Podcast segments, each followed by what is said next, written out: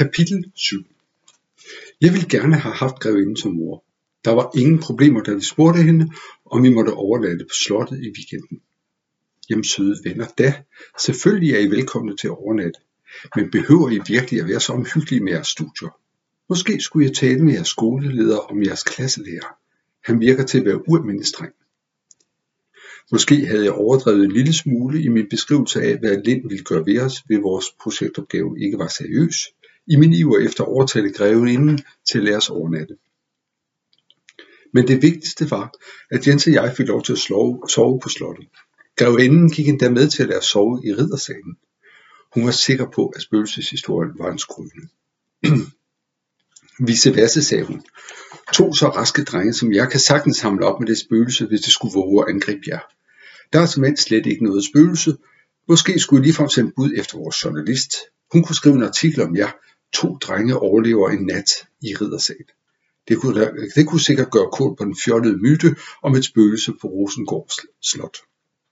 Hun skulle bare vide. Vi ankom den følgende fredag med en del udstyr. Jens havde blandt andet medbragt et kikkert, en kniv og to pakker tyggegummi. Selv havde jeg kun taget fornuftige og brugbare ting med. En lommelygte, ganske vist uden batterier, et kryds- og tværshæfte, tegneserier, som vi kunne bruge til at slå tiden ihjel med, samt en bog med spøgelseshistorier.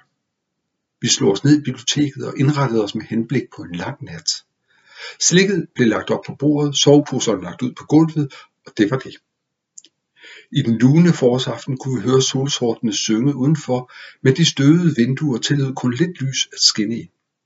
Det var også lige meget, for vi havde andet at bruge tiden til. Klokken 11 kom grevinden for at sige godnat. Nå, drenge, har I hvad I skal bruge? spurgte hun venligt og betragtede vores lille hule. Ja tak, sagde Jens og jeg i munden på hinanden. Vi skal nok klare os for i nat. Grevinden smilede endnu en gang, sagde godnat og gik. Da lyden af hendes skridt var forsvundet, kiggede vi på hinanden. Nu var vi virkelig alene. Frem med papiret, viskede Jens betydningsfuldt, og jeg skyndte mig hen til reolen. Vi stod ved bordet og foldede det lille papir ud, og nu ventede der os endnu en gang en overraskelse. Teksten på papiret havde ændret sig. Nu stod der med store typer. Tænk jer nu godt om, drenge. Så svært kan det da ikke være. Hvilket rum er slottets vigtigste? Hvem er slottets herre? Lærer man ikke noget i skolen nu om dagen? Vi måbede. Hvordan kunne teksten ændre sig, og hvordan gik den til, at nu henvendte, henvendte sig direkte til os? Og ovenikøbet ret uforskammet. Jeg frygtede, hvordan teksten ville lyde, hvis det ikke igen lykkedes os at finde rummet. Vi må virkelig stramme os an nu, Jens sagde. Lad os begynde med slottets vigtigste person. Det kan kun være grevinden. Hun ejer slottet og er i familie med Holger Rosenbed. Hvilket rum er det vigtigste for hende? Jeg så vidende på Jens og besvarede selv et spørgsmål, endnu inden Jens havde nået blot at rynke panden. Det er selvfølgelig hendes kontor. Det er der, hun ordner alle sine forretninger, det er der, alle hendes papirer er.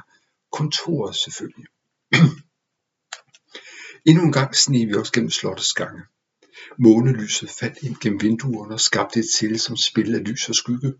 Mere end en gang får vi sammen, fordi vi synes vi kunne høre lyde, men vi nåede uden uheld til grevindens kontor, blot for at opdage, at døren var låst.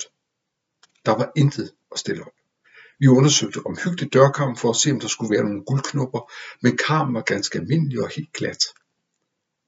Det samme var selve døren. Derefter forsøgte vi at dirke låsen op med Jensens kniv, men opnåede ikke andet end at bøje knivens spids.